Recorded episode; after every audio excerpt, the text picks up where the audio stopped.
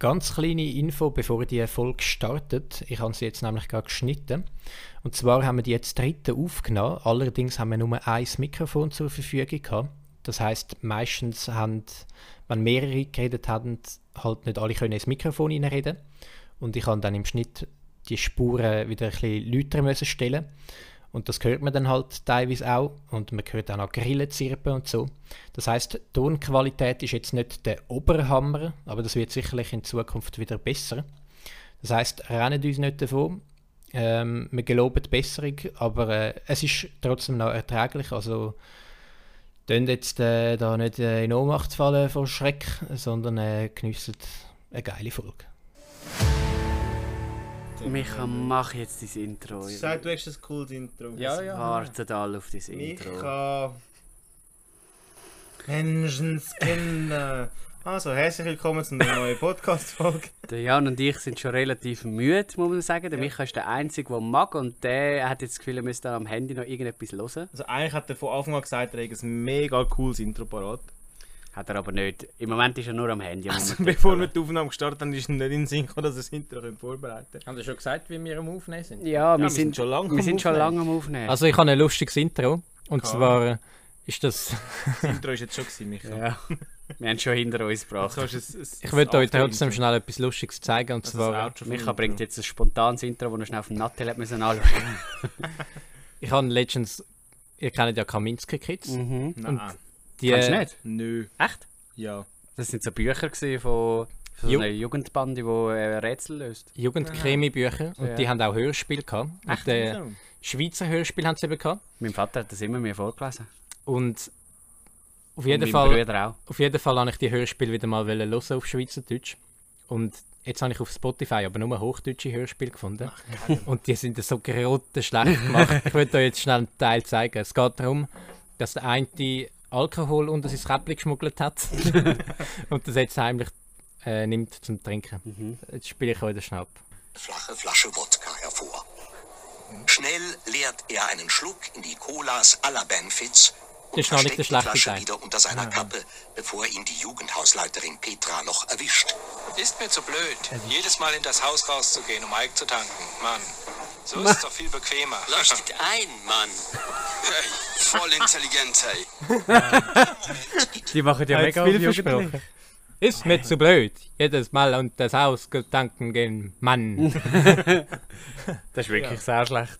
Und somit herzlich willkommen zu einer neuen Folge Limoncello. Jo, wir sitzen heute vor einem einzigen Mikro, weil wir relativ spontan aufnehmen, und zwar beim Jan daheim. Richtig. Der Micha hat mir angerufen vor etwa einer Stunde oder so. Ähm, der Nick und er sagen auf dem Weg ins Hevil Bowling, ähm, ob ich will mitkommen. Dann habe ich zuerst gesagt, ja klar. Heavy Bowling, bestes Bowling. Heavy Bowling, Super Bowling. Und dann ist mir in den Sinn gekommen, meine Schulter ist ja kaputt. Können wir ganz schnell wegen Bowling. Äh, man, Ja, kann ja, dort, ja, man kann dort gratis äh, Popcorn gibt's dort. Ja, und sie haben auch geile Burger. Genau, weiter geht's. Ja, und dann habe ich gemerkt, meine Schulter tut weh. Und dann habe ich gesagt, nee, geht nicht, aber kommt doch kurz vorbei. Und jetzt haben wir einen lecker Salat gehabt, machen nachher Patti Uno und äh, Und ja, ich hoffe, es gibt nachher noch lecker Gäffchen. ja, lecker Gäffchen Wow, gibt es immer. Aber wo, wo kommen wir denn her? Wo, wo sind wir gewesen? Am Greifensee sind der Micha und ich gewesen, am Greifensee am Schönen. Wo Sind ja, ja. Stand-up paddeln. genau, mittlerweile gibt es dort Mit jungen Dame. Blaualgen. Junge gibt's Dame, dort. uh. Ja, und Blaualgen gibt es dort mittlerweile und der Micha hat es aber voll verwünscht. Ich habe mir richtige Allergien zugezogen. Einen Oh, riesen Ausschlag hat er. Äh, Ausschläge, genau. Was Genau. sind Blaualgen? Ja, irgendwie so Algen, die es jetzt anscheinend gibt dort und die sind ein bisschen giftig und da muss man schauen, dass man... Es hat man hat eine Zeit lang nicht in den Greifensee gehen baden. Du tönst richtig müde. Ich bin, so, ich bin so müde. Ich bin... lass doch mich reden. Mike, darf ich ganz schnell meinen Satz fertig machen? Ich bin letzte Woche... Haben wir schon gesagt, dass wir nur ein Mikrofon haben? Ja. Haben wir schon? Es ist mega komisch, wir sind alle viel zu nah aneinander dran. Es ist richtig unangenehm. Ja, wir schmusen da halt Erzähl, miteinander. erzähl jetzt zuerst Greifensee-Story, dann kommen wir zum Lagerlicht. Ah, genau. Ähm, ja, es gibt einfach im Greifensee, der hat äh, anscheinend letztens noch zu gehabt für ein Zeitchen, weil es eben die, die Blaualgen gibt, die nicht gut sind für Mensch und Tier. Also sie haben den See zugemacht, wir nicht nicht baden da. Hat uns besagte Begleitperson gesagt, die mit uns unterwegs war, nachdem äh, der Micha den Ausschlag gehabt hat. Ist Waldbrand verboten oder was? Äh, ja, das glaube ich auch, ja. In Erlenbach ist Waldbrandverbot, Ja, ja. bei uns im Lager ist auch. Oh. Und du bist auch in einem Zevi-Lager, wo man noch gerne mal ein Feuer Sind macht. wir immer noch nicht bei der Greifensee-Story fertig? Ja, da gibt es ja gar keine Story. Der Michael hat unbedingt eine Podcast-Folge aufnehmen. Er hat gefunden, ja, von mir aus schnurre ich ganz allein. Und ich glaube, mittlerweile ist er der Einzige, der noch nicht geschnurrt hat. Ja, ich, Ich muss sein Intro etwas ich würde gerne etwas sagen, Also, aber sag etwas. also der, der Nick hat die ganze Zeit gesagt, er, hat, er ist zu müde zum Reden. Ja, dann bin habe ich ich auch. gesagt, Er hat nur die dann ganze habe ich gesagt, gut, dann mache ich halt einen Monolog, aber es ist anscheinend gar nicht nötig. Ja, jetzt muss ich natürlich gleich wieder die Podcast-Folge aus dem Dreck ziehen. Du bist ein riesen Arschloch. das ist unglaublich. Ja, also komm, erzähl. Komm, was willst du Wir sind, wir sind alle müde, weil wir sind also der Jetzt hast du einen schönen sind, Übergang aufs Lager Jan und ich gemacht. sind Willst beide im willst du Lager etwas zum gewesen. Jetzt Sefilager hat er wieder einen? Monolog erzählen und jetzt mir die ganze Zeit. Ich kann schon erzählen. Nein. Dann ich schnell das Mikrofon ein bisschen mehr zu mir. Ich erzähle ich erzähl jetzt ein bisschen von mir. Hä? Micha, komm. Mensch, Wenn ihr, Kinder. wenn ihr Fragen habt, kommt ihr einfach näher das Mikrofon an. Ist das, ist das in Ordnung für euch? Also ganz schnell fürs Setting. Micha hat sich das Mikrofon geschnappt, hat sich äh, zurückgelehnt und dann ich und ich verzweifelt fast. Ich ich verzweifle fast. Ich heb es einmal zu euch hin, wenn ihr etwas wollt sagen Ja, und jetzt habt ihr es zu mir. Danke, Micha. Ich erzähle sonst mal ein bisschen von meinem Wochenende. Ich war letztes Wochenende an einem Festival. Gewesen, und zwar hat das See You Festival geheißen. Und Also, see you im Sinne von, man sieht dich. ja, weißt du, so Festivals wollen ja immer so Wortspiele machen. Und es ist eben an einem See. Also es hat einen Tümpel gehabt. Ich will es jetzt nicht einen See nennen. Aber Darum äh, ist sie auf den See bezogen. genau, ja. Und es ist so ein Techno-Festival. Himmel. Es ist recht spontan zustande gekommen. Das Gurtenfestival macht jetzt ein Hosenträger-Festival. Das wäre aber wirklich noch witzig. Auf jeden Fall, ich bin. Ich habe am Freitag habe ich mir spontan nach ein, Ticket ergattern im Resale. Und am Samstag ist es dann schon losgegangen. Wir sind, also ich bin mit zwei Kollegen aus der Berufsschule bin ich nach Freiburg, Deutschland gefahren. Und die haben dort ein Hotel halt gemietet mit einer, also wir sind achten gewesen insgesamt. Und dann sind wir auf das SEO Festival gegangen. Also zuerst sind wir noch lang gegessen und haben ewig müssen warten und und und. Auf jeden Fall, beim Einlass hat es. Es war mega heiß. Gewesen. Und beim Einlass hat es schon angefangen. Ich hatte eine schöne Holzwasserflasche dabei. Gehabt. Und die natürlich im Vorhinein austrunken, wie es sich gehört, weil man darf ja nicht Flaschen reinnehmen. Also nicht Getränke reinnehmen. Und das hat anscheinend aber leider nichts gebracht, weil ich das, die Flasche dann leider müssen abgeben Oh. Das war schon mal der erste Downer. Gewesen. Wieso hast du die mir abgegeben? Weil es aus Metall war, oder? Nein, aber äh, wenn du einen Deckel hast, dann könntest du die eben rühr- rühren. Auch bei allen Getränken, die sie dort verkauft haben, sie haben immer ohne Deckel die Flaschen verkauft. Weil sie halt nicht wollen, dass du die vorher rührst. Ich habe dann natürlich gefragt, Gehen in dem Fall davon aus, dass die Acts so schlecht sind. ja, vor, vor allem habe ich mir gedacht, das ist so eine geile Wasserflasche, ich habe ja nicht ernsthaft das Gefühl, dass ich die vorher rühre. Und ich habe dann aber gesagt, dann lassen die mit, bitte beim Eingang die Flasche, dann hole ich sie am Abend wieder ab. Und was ist natürlich nicht mehr rum am Abend? Meine Flasche. Auf jeden Fall, das Festival ist aber noch... Also, Lustiger Effekt zum Führerlehren. Es hat, glaub, irgendein Rapper, glaub, der Tyler, der Creator, hat irgendwann mal ein, an einem Konzert ein Lied unterbrochen, weil die Leute irgendwelche Sachen vorgerührt haben. Mhm. Hat er gesagt, komm, hört doch auf, haben ihr wirklich das Gefühl, ich wollte euren Scheiß? Was am, am Frauenfeld oder Nein, wo? nein, keine Ahnung wann. Aber ich habe das, äh, den Clip gesehen, also beziehungsweise geschickt bekommen. Und dann äh, habe ich das witzig gefunden. Am Gampel. ich glaube nicht, dass der Tyler, der Creator, als Gampel Open Air geht. Ich habe ich han Stories gesehen vom Open Air Frauenfeld, was es dort für Leute geht auf der Bühne. Man könnte meinen, du, das ist irgendwie für alles nur so komische Leute gewesen. Sehen ja alle gleich aus. Und wirklich, wie meint das Gefühl, Gott, hast du doch jetzt vor gestern schon dort, dort gesehen? Die sehen alle gleich aus und alle sehen so saudumm aus. Ich glaube, das Frauenfeld wäre wirklich nicht... Ich, will, ich bin, sage ich jetzt ehrlicherweise, ich bin noch nie an einem Festival gewesen. Also gehe übernachten und so. Ähm, würde aber sehr gerne mal gehen. Aber sicher nicht das Frauenfeld. Das ist mir höchst unsympathisch. Muss ich ganz ehrlich sagen. Ich würde gerne mal als Frauenfeld Open Air gehen. Das ist auch jetzt mein erstes Festival. Hm, habe ich ja gesagt? Nein, das ist Frauenfeld Open Air gesagt. Okay. Das ist auf jeden Fall auch mein erstes Open, Open Air gewesen, also Festival. Ich weiß gar nicht, was ist der Unterschied? Gibt's da überhaupt einen? Weil sie der Open Air ist. Wow. Ja. Auf jeden Fall. ich, also ich erzähle ein bisschen weiter vom Festival. Ja, mach. Es war mega heiß gewesen und es hat ja dort einen kleinen Tümpel gehabt. Das, das ist noch geil gewesen. Man hat sich immer so können abkühlen. Und die Musik ist auch noch cool gewesen. Hat mir noch gefallen. Ich bin jetzt nicht mega Techno-Fan. Aber- Und Namen haben wir jetzt auch nicht viel ge gesagt. Der Bei einzige, Techno-Musik ist doch auch scheißegal, wer da die zwei, drei Wörter äh, singen tut. Nein, es geht ja um den DJ, der es auflegt. Aha. ja gut, aber auch da könnte jetzt, glaube ich, jeder... Ja, ist glaube ich fast schwieriger als man meint. Bei Techno, Mhm. wo einfach alles genau gleich tönt. Es klingt eben nicht alles genau gleich. Ja, komm jetzt. Also der Nick hat sich So jetzt muss schon, man gar nicht kommen. ja. der Nick macht sich nicht nur bei den Hip-Hopper vom Frauenfeld unbeliebt, sondern jetzt auch noch bei den Techno-Leuten. Ich finde Techno an und für sich nicht schlecht. Ähm, ich bin auch schon, äh, in, bin auch schon gegangen. um, aber, aber ich finde, es tönt einfach immer relativ ähnlich. So. Wenn du einfach einen fetzigen Beat drunter haust und dann ist es irgendwie immer ein bisschen... Ja? Schau, das Gute ist, du kannst immerhin von, nicht von einem Techno-Typ verhauen werden, weil die Leute dort sind richtig friedlich gewesen. Einer von unserer Gruppe hat, glaube ich, einen aus Versehen angekrempelt und ihm ist dann das Getränk ausgelegt und der hat gesagt, oh, ja, alles gut. äh. Also es sind mega friedliche Leute dort. Eben die Musik habe ich eigentlich noch cool gefunden, aber wir sind mega weit vorne gewesen und wir haben keine Oropax gehabt, da kommst du halt einen Hörschaden über. Und es hat so viel Staub au- aufgewirbelt, dass unsere Lungen sind richtig. Also, du hast all den Staub halt in die Lungen bekommen. Und wir haben nur noch gehustet am Abend und am nächsten Morgen. Es hat sich so angefühlt, als hätte man da ein paar Päckchen Ziggis durchgeraucht. Alter, sicher ist mi, mi, mi. Ja, das, das ist eigentlich ist das alles. Ich weiß gar nicht. Aha, genau. Also die Auftritte sind bis um 12 Uhr gegangen und wir haben ja nicht auf dem Festivalgelände übernachtet, sondern wir haben unser Hotel gebucht. Und dann ist unser Plan gewesen, dass wir bis um 12 Uhr dort bleiben und die tollen Konzerte geniessen und dann unser Taxi buchen und dann schön zurückfahren. Und dann sind wir, hat es so eine, eine Schlange gegeben, wo man hat können für Taxis anstehen und dort hat es äh, schon ganz viele Leute gehabt, eine riesige Schlange, und die haben uns alle gesagt, sie sind seit einer Stunde schon am Warten. und es ist seit einer Stunde noch kein Taxi vorbeigekommen. Und dann haben wir gedacht, gut, laufen wir jetzt die Straße halt ein bisschen weiter und hoffen, wir können irgendein Taxi abfangen und den äh, Leuten das einfach wegschnappen. und die Taxis halten aber nicht an, die haben so Anweisung, dass sie direkt zum Festival gehen müssen. Und dann haben wir, wir sind mega langsam unterwegs gewesen. Und dann sind wir irgendwann, es ist so eiskalt geworden. Am Abend war es richtig kalt, gewesen, obwohl es am Tag so heiß war. Ihr unterbrecht einfach, wenn ihr Fragen habt. Aber ja Woher von- hast du gewusst, dass die äh, Taxifahrer die Anweisung haben? Ist das einfach, glaubst du das oder weißt du das? Also wenn ich ein Taxifahrer bin und jemand haltet mich an, dann lade ich ihn doch rein. Dann mache ich doch das Geschäft von meinem, von meinem Leben. Also ist das in dem Fall deine eigene Theorie, die du da jetzt einfach als, als Fakt äh, auferlegt hast? Richtig. Ich glaube, da, da bist du der Letzte, der da... Auf jeden Fall ist es so kalt geworden und wir haben gedacht, ja gut, im Auto ist es ein bisschen wärmer.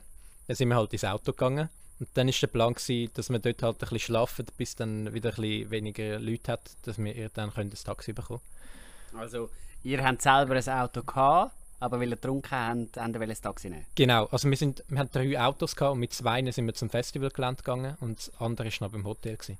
Und genau, wir haben wollen, weil wir alle Alkohol getrunken haben, haben wir wollen mit dem Taxi natürlich heimgehen dann. Und dann sind wir ins, zum Auto gegangen und das Auto gegenüber von uns, das ist richtig kaputt, richtig zerstört worden. Irgendwelche Leute haben dort Randale gemacht, Fenster kaputt geschlagen, vorne alles geschlissen. Dann, So viel zu den friedlichen Leuten. ja, die sind halt außerhalb vom Festival gewesen, die Autos, weißt Und wir haben dann ein bisschen in unserem Auto geschlafen und es ist so, es ist trotzdem noch kalt gewesen. Ich hatte zum Glück noch T-Shirts in meinem Auto gehabt, leider kein Pulli. Und dann habe ich ein T-Shirt halt angehabt. Eins habe ich so über meine Arme gezogen, eins über meine Beine. Und dann haben wir versucht, so ein bisschen schlafen und so.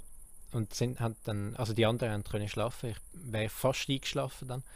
Und dann hat ein Kollege von mir, hat, plötzlich hat so gestunken im Auto, nach so, also richtig nach so süßlich grusig. Dann habe ich gesehen, der hat einfach angefangen zu rauchen in meinem Auto. mit der E-Ziege.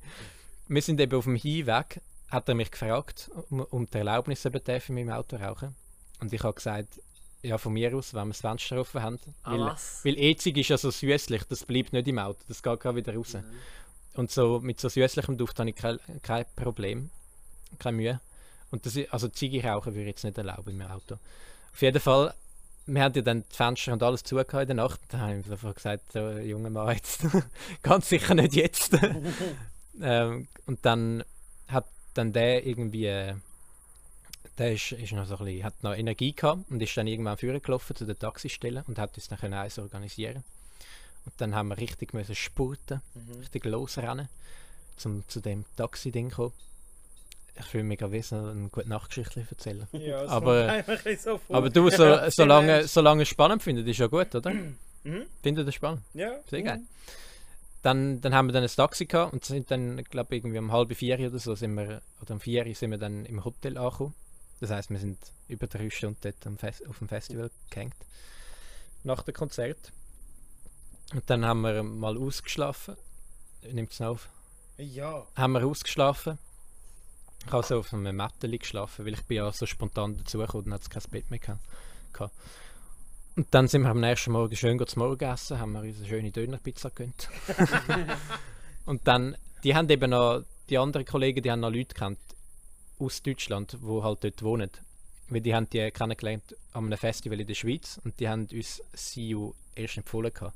Und dann ist der Plan gewesen, dass wir zu denen noch gehen vortrinken und dann nochmal ans Festival gehen. Dann sind wir zu den Deutschen gefahren mit dem Auto und die haben, äh, die haben noch so ein cooles Häuschen mit Pool. Dann haben, also ich habe dann halt nichts mehr getrunken, weil ich halt dann am gleichen Abend auch wieder wollte heimfahren Also die anderen auch, es haben nur die halt getrunken, die nicht gefahren sind. Und dann, äh, genau, ist schon vier Uhr am Nachmittag gewesen, und ich bin so kaputt gewesen, so keine Energie mehr gehabt und auch so, ich merke, ich bin äh, nicht so wahnsinnig der Festivaltyp. Also ich habe es noch cool gefunden, aber auch noch der Staub in den Lungen und so hat mich so geschlissen. Und dann bin ich am, also ich Also warum nicht Festivaltyp? Weil du müde bist, schnell oder was? Ja, ich glaube ein bisschen das. Äh, Irgendwie, ja. Wenn der Staub würde wegfallen, würde ich es eigentlich noch easy finden. genau. Und ich bin halt. Aber gut, ist ja nicht jedes Festival staubig. Ja, stimmt. Fair Vielleicht. point. Ja, das, das kann sein. Und dann bin ich. Also ich hatte einen Zweitagespass, gehabt, Samstag, Sonntag. Und ich bin dann aber am 4 Uhr bin ich wieder heimgegangen. Also nach Luzern wieder gefahren. Ich bin mit meinem, Auto, mit meinem eigenen Auto unterwegs gewesen. Und dann, äh, genau. Und ich gedacht, ist, ist doch cool, jetzt wieder heimfahren. Warum, warum soll ich da weiter. Wären die jetzt Typen, die nochmal gegangen wären oder nicht? Wenn ich müde bin. Nicht, nein. Aber dann würde ich glaube auch nicht mehr heimfahren. Nein, ich bin, also weißt ich kann schon noch mögen Auto fahren, aber ich habe gedacht, jetzt nochmal so Party machen und so, für das bin ich zu müde. Ja. Es gibt ja zwei Arten von Menschen in meinen Augen. Es gibt die, wo, wo wenn sie einen Teller, also einen Teller Essen haben und sie mögen nicht mehr essen, dann essen sie einfach noch, weil es sonst schade wäre, zum wegrühren. Und dann gibt es die, die sagen, ich habe es eh schon gezahlt. Es kommt jetzt nicht darauf an, ob es noch fertig ist. Mhm. Und ich bin eben der Typ, der dann nicht würde fertig essen Dann gibt es noch Typen, die würden das Essen auf die Seite für den ersten Tag. Genau, das, wür, das, Also würde das ich, ist drei das würde ich auch machen, aber jetzt aufs Festival bezogen habe ich halt das nicht können machen. Ja, das stimmt. Ja.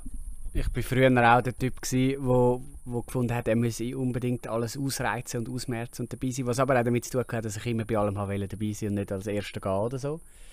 Mittlerweile habe ich das aber viel besser im Griff, muss ich sagen. Finde ich noch cool. Manchmal gehe ich so an gewissen Orten, weißt du, irgendwie so eine WG-Party oder was auch immer, dann gehe ich so, als vielleicht gehöre ich noch zum, zum ersten Drittel, wo geht und finde es geil. Dann denke ich so, yes, ich habe es- geschafft, nicht irgendwie, weil weil früher hatte ich irgendwie immer das Gefühl, ich muss der allerletzte sein, der geht damit ich ja nichts verpasse. Ah, das ist zum Glück nicht mehr so. Und aufs Essen bezogen, es freut mich schon, wenn ich das Essen muss. Ähm, schon schwierig zu sagen. Ich habe gar keine spontan, spontan gerade keine Situation im Kopf, wo das so zum Zug kommt. Ähm, ich wäre aber eher wieder nicht, dass es mich würde jetzt noch fortrühren ähm, Dass ich dann würde probieren, irgendwie zu gehen. Als aufs Festival bezogen. Das ist halt nicht meine Musik, aber alle mehr im Allgemeinen. Ähm, aber es ist jetzt wirklich noch schwierig zum, zum sagen, ohne konkrete Situation im Kopf. Dankeschön. Aber du bist ja noch im Lager gewesen, Jan. Der künstliche einen, Übergang. ich ja. finde es so witzig, wie wir das Mikrofon da hin und her gehen und es entstehen immer so künstliche Pausen.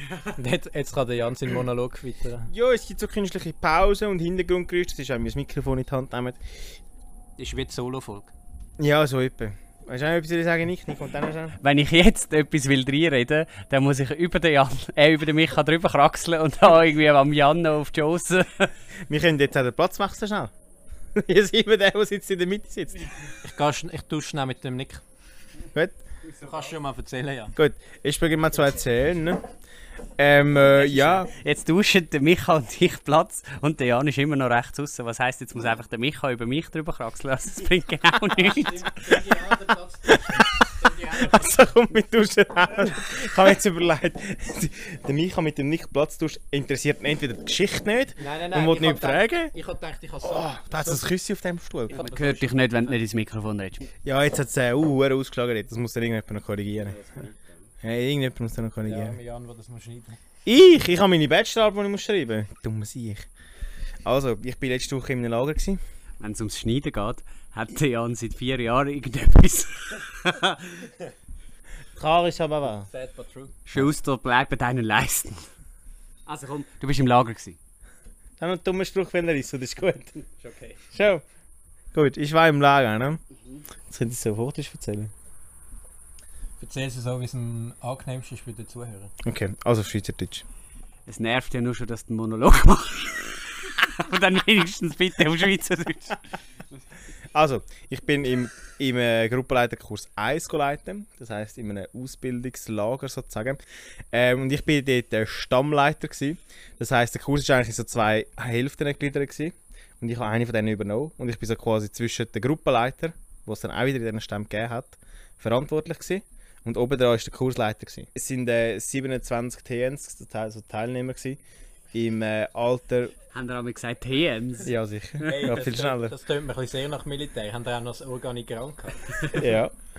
Ähm, 27 äh, Kinder im Alter von 13 bis 16 ungefähr. Und die sind in fünf Gruppen eingeteilt. Gewesen. Und die sind jeweils von einem Gruppenleiter gemanagt worden. Und zwei Gruppen sind im einen gewesen und die anderen drei Gruppen sind im anderen Stamm. Gewesen. Und als Stammleiter ist es quasi die Verantwortung zum äh, Lektionen, also so Ausbildungsblöcke halten, wo es so um Verantwortungen geht, die sie haben, wie man ein gutes Programm plant, was so die einzelnen Schritte sind, etc. Ähm, und Gruppenleiter sind mehr so ein bisschen für das lustige Programm zuständig gewesen. Ähm, ja, ich bin dort äh, am... Äh, Was heisst denn das? Du bist für das blöde Programm zuständig gewesen, oder nein, fürs Kurs, fürs Ausbildungsprogramm. Und so ein bisschen zum Helfen, was gerade gebraucht hat. Aber ja, und äh, das war im Wald. Gewesen. Wir sind am Donnerstag, bevor es am Samstag dann angefangen hat, dort angegangen, haben angefangen Zeltdächer spannen und Scheisse buddeln. Muss man im Wald, hat keine äh, Spülung mit dort und so. Dusche aufbauen haben wir müssen. Äh, Küche aufbauen haben wir müssen. Ja.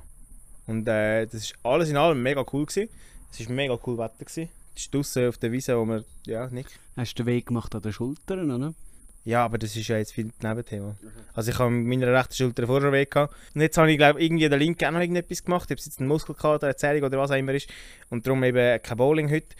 Und äh, ja, Was ist denn, was ist denn das Geilste, was ihr gebaut habt?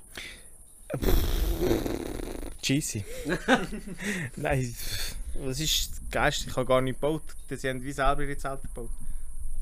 Ich, habe, äh, ich bin das Wochenende bin ich am Bahnhof vorbeigelaufen und dann habe ich eine, ri- eine riesige Truppe gehört umschreien. Dann habe ich gedacht, das ist irgendeine Demo und bin mal schauen. Und dann ist da, kennt ihr Jungwacht Blauer Ring? Das ist die Pfadi in der, in der Luzern, in Luzern halt. Nein, das ist die Junge Blauring. Die, Das ist nicht ja, ja, Das ist ja. etwas Eigenes, das nennt sich Jungschi. Das Nein, das ist Äquivalent. nochmal etwas Separates. das ist nochmal etwas Das ist anderes. Das ist eigentlich das Äquivalent. Und die haben das so einen Mm. hohen Krach gemacht. Machen die das auch? Dass eine mit dem Megafon vorausläuft und die, an und die anderen dann so richtig laut schreien. Nee, so Idioten sind wir nicht. Das haben wir nicht gemacht. Ähm, also was wir, was wir gemacht haben, äh, das Thema die ganze Woche war ja David gegen Goliath. Gewesen. Also David, die Geschichte von dem David aus der Bibel. Und der Anfang war quasi, gewesen, wo der König Saul mit seinem Philistervolk einen Krieg gewonnen hat. Und er hat von, von Gott... Der König Sauron. Ach Gott! Ja, komm, sag. Du hast schon dumm reinschnurst. Ich bin so müde. Und irgendwie, ich glaube, ich, ich schieße nur rein die ganze Zeit. Und es kündigt sich immer an, wenn ich mich halt muss überlehnen zum Mikrofon. Ich habe Kommt Satz nur gar nicht fertig gemacht. Es gibt dann so eine Pause und da kommt wirklich qualitativer Bullshit. Ja. Ja, genau. Sie haben äh, ein Gegnervolk, keine Ahnung welches, haben sie besiegt. Und er hat zwar von Gott den Auftrag bekommen, dass sie nichts sollen mitnehmen einfach zu ihrer Familie zurück. Und der König hat dann gleich gefunden, wir nehmen alles mit. Und dort hat dann, äh, der, der Hauptmann von der, von der Armee vom König, jetzt hebst du dein Maul. Nein, nein, das ist jetzt wirklich etwas Wichtiges. Also, Ähm, Zevi war ja früher relativ christlich. Gewesen. Mhm. Jetzt zum Beispiel bei unserer Zevi-Gruppe wird das überhaupt nicht mehr gelebt. Sind ihr immer noch so christlich unterwegs? Also unsere CV-Gruppe von Wetzigen nicht, aber der Ausbildungskurs ist sehr also ist kantonal. Ah, ja, stimmt, Äh, das ist ja und- etwas Offizieller. So. Genau, und da kommen die Leute von verschiedenen Orten zusammen und das ist natürlich überall wieder anders. Aber eben, Der Nick, wenn er etwas will, ins Mikrofon rein sagen dann kommt es einem ein bisschen so vor. wie- ist mega leislich, was du willst sagen. Ja, aber sicher. Wenn der Nick etwas will, ins Mikrofon rein sagen dann ist er so ein bisschen wie ein Besoffener, der einem einfach ein bisschen zu nahe kommt. Vor allem, wenn er müde ist. Der Unterschied ist eben, ich, ich lerne mich zu der Person, die redet und der Micha nimmt einfach demonstrativ das Mikrofon selber in die Hand und redet weiter. Alors, was wir gewesen? Genau, und dann ist der Hauptmann von der Armee vom König, ist dann quasi, hat die Teilnehmer empfangen, hat sie auf der Liste abgecheckt, äh, über da ist und über sein Gesundheitsblatt Zeugs und so abgegeben.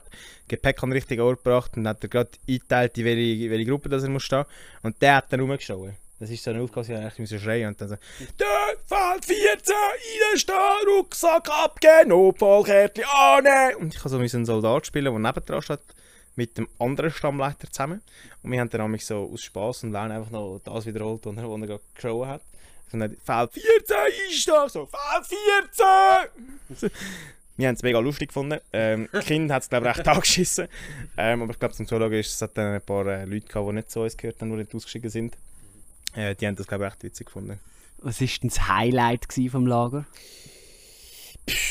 Äh, puh, äh, ist, äh, hm, das ist eine schwierige Frage. Hat viele Highlights gegeben. Ein Highlight war sicher, gewesen, wo die Teilnehmer auf, auf der Wanderung waren, auf der zweiten also extern übernachtet haben. Da haben wir... Äh, sind, eigentlich, sorry, ganz schnell, das Buben und Mädchen gehabt? ist ein nur- Bubenkurs. Nur ein Bubenkurs. Genau. Und äh, dann sind ein paar wenige auf Platz geblieben. Also die vom Küchenteam sind da geblieben und äh, wir Stammleiter sind auf dem Platz geblieben und ein paar von den Helfer sind auf dem Platz geblieben. Und die Gruppenleiter mit ihren Gruppen sind einfach weg gewesen. Und dann haben wir so hure Feuer gemacht. Also im, im Grill rein, weil du darfst ja nicht, im, weil es Waldbrandgefahr 4 hat. 3. Bin gar nicht sicher. Dann haben wir einfach in befestigten Feuerstellen müssen machen und weil wir einen Wasserschlauch nebendran hatten, haben wir es vertretbar gefunden. haben wir ein Feuer gemacht im Grill. Ähm, habe sicher anderthalb Stunden lang, eingeführt. Holz in richtigem oh. noch. Äh, dann haben wir Glusen gehabt, etwa 5 cm hoch, über die ganze Fläche. Und dann haben wir äh, Ich liebe fette Feuer. Es ist- ah. richtig geil. Und dann haben wir Pouletflügel grilliert, dann haben wir Bratwürste grilliert, dann haben wir Herdöpfel grilliert. Und äh, es ist einfach, der ganze Platz ist ruhig, es ist kein einziger Golf gekommen. Ich habe einen Waschbesteck, ich brauche ein Stielsabe und ein Pflaster. kein einziger ist gekommen, den ganzen Abend lang. Das war wirklich ein Highlight. gewesen. ah, und wir haben so einen, kennt ihr die... Wir halten also fest, das Beste vom Lager mit Kind war dort, wo die Kinder nicht da waren. Das Geilste auch, also etwas, was sich über das ganze Lager hinweggezogen hat, es gibt ja die, ähm, die Spritzteile, also für Blumen zum Befürchten. Ähm, haben wir einen dabei gehabt, wenn es halt warm war, so zum ab und zu ein bisschen, ein bisschen befeuchten, das Gesicht mit Wasser, mit kaltem Wasser, wo dann schnell warm wurde ist halt. Und äh, dann hat sich irgendwann herausgestellt, das Teil eignet sich super zum Kind, das nicht folgt, nass machen. das heißt dann irgendwie äh, während der Lektion oder so, während irgendeinem Block, wo sie am Sport machen sind, einer neben dran stand, nicht mitmacht, laufst du ihnen durch, pff, pff, pff, und dann, Das sind aber Methoden aus dem Zweiten Weltkrieg.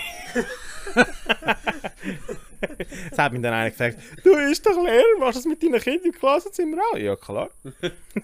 Was ich aber geil gefunden habe, nach dem Lager, an dem Abend, wo wir grilliert haben, bei dem, bei dem einen daheim, ähm, ich habe ja eigentlich, ein Grund, warum ich wollte Lehrer werden ist, dass ich irgendwann, wenn ich nicht mehr CV-Leiter bin, dass ich so ein bisschen das Leiter sein kann, weiterziehen und so ein bisschen Schulreisen planen, Klassenlager planen, halt Programm in dem Sinn halt einfach Stunden planen. Ähm, und zum einen hat sich das schon bestätigt, weil in der Schule mir schon ein Praxislehrer gesagt hat, äh, man merkt mega, dass du Erfahrung hast von Leuten und mit Jugendlichen und so. Also quasi, dass man das CV-Leiter sein in der Schule gespürt. Und jetzt hat ein anderer CV-Leiter, also der, glaub, der Kursleiter oder ein anderer, irgendeiner hat gesagt, man merkt im Fall wirklich, dass du Lehrer bist. Und dass sich das jetzt gegenseitig bestätigt hat, ist noch cool gewesen. Ist das gut oder schlecht, ist jetzt die Frage. Das ist die Frage. Für mich war das ein tolles Gefühl, ne? Ich will mal sagen, ein volles, volles Erlebnis, ne? Aber der, der Nick war ja einmal Lager. gewesen. Wenn wir schon bei Lager sind, gebe ich gebe ich das Mikrofon nochmal dem Nick. Hast, ich gebe das Mikrofon dem Micha zum Überbrücken. Also der Nix wechselt jetzt mit dem Jan den Platz und sitzt jetzt da in der Mitte. Kannst du noch die Wasserflasche auffüllen? Nicht So. Darf ich das kommentieren? Jo, ähm, genau, ich bin auch in einem Lager gewesen. und äh, der Micha macht komische Zeichen. Red nur weiter. Aha. Ja gut, der eine läuft davon und der andere ist am Handy. Also da, Ja, ich habe gesagt, du, ja, das ist egal. dem erzähle ich es dem Fall einfach euch, die ihr zuhört.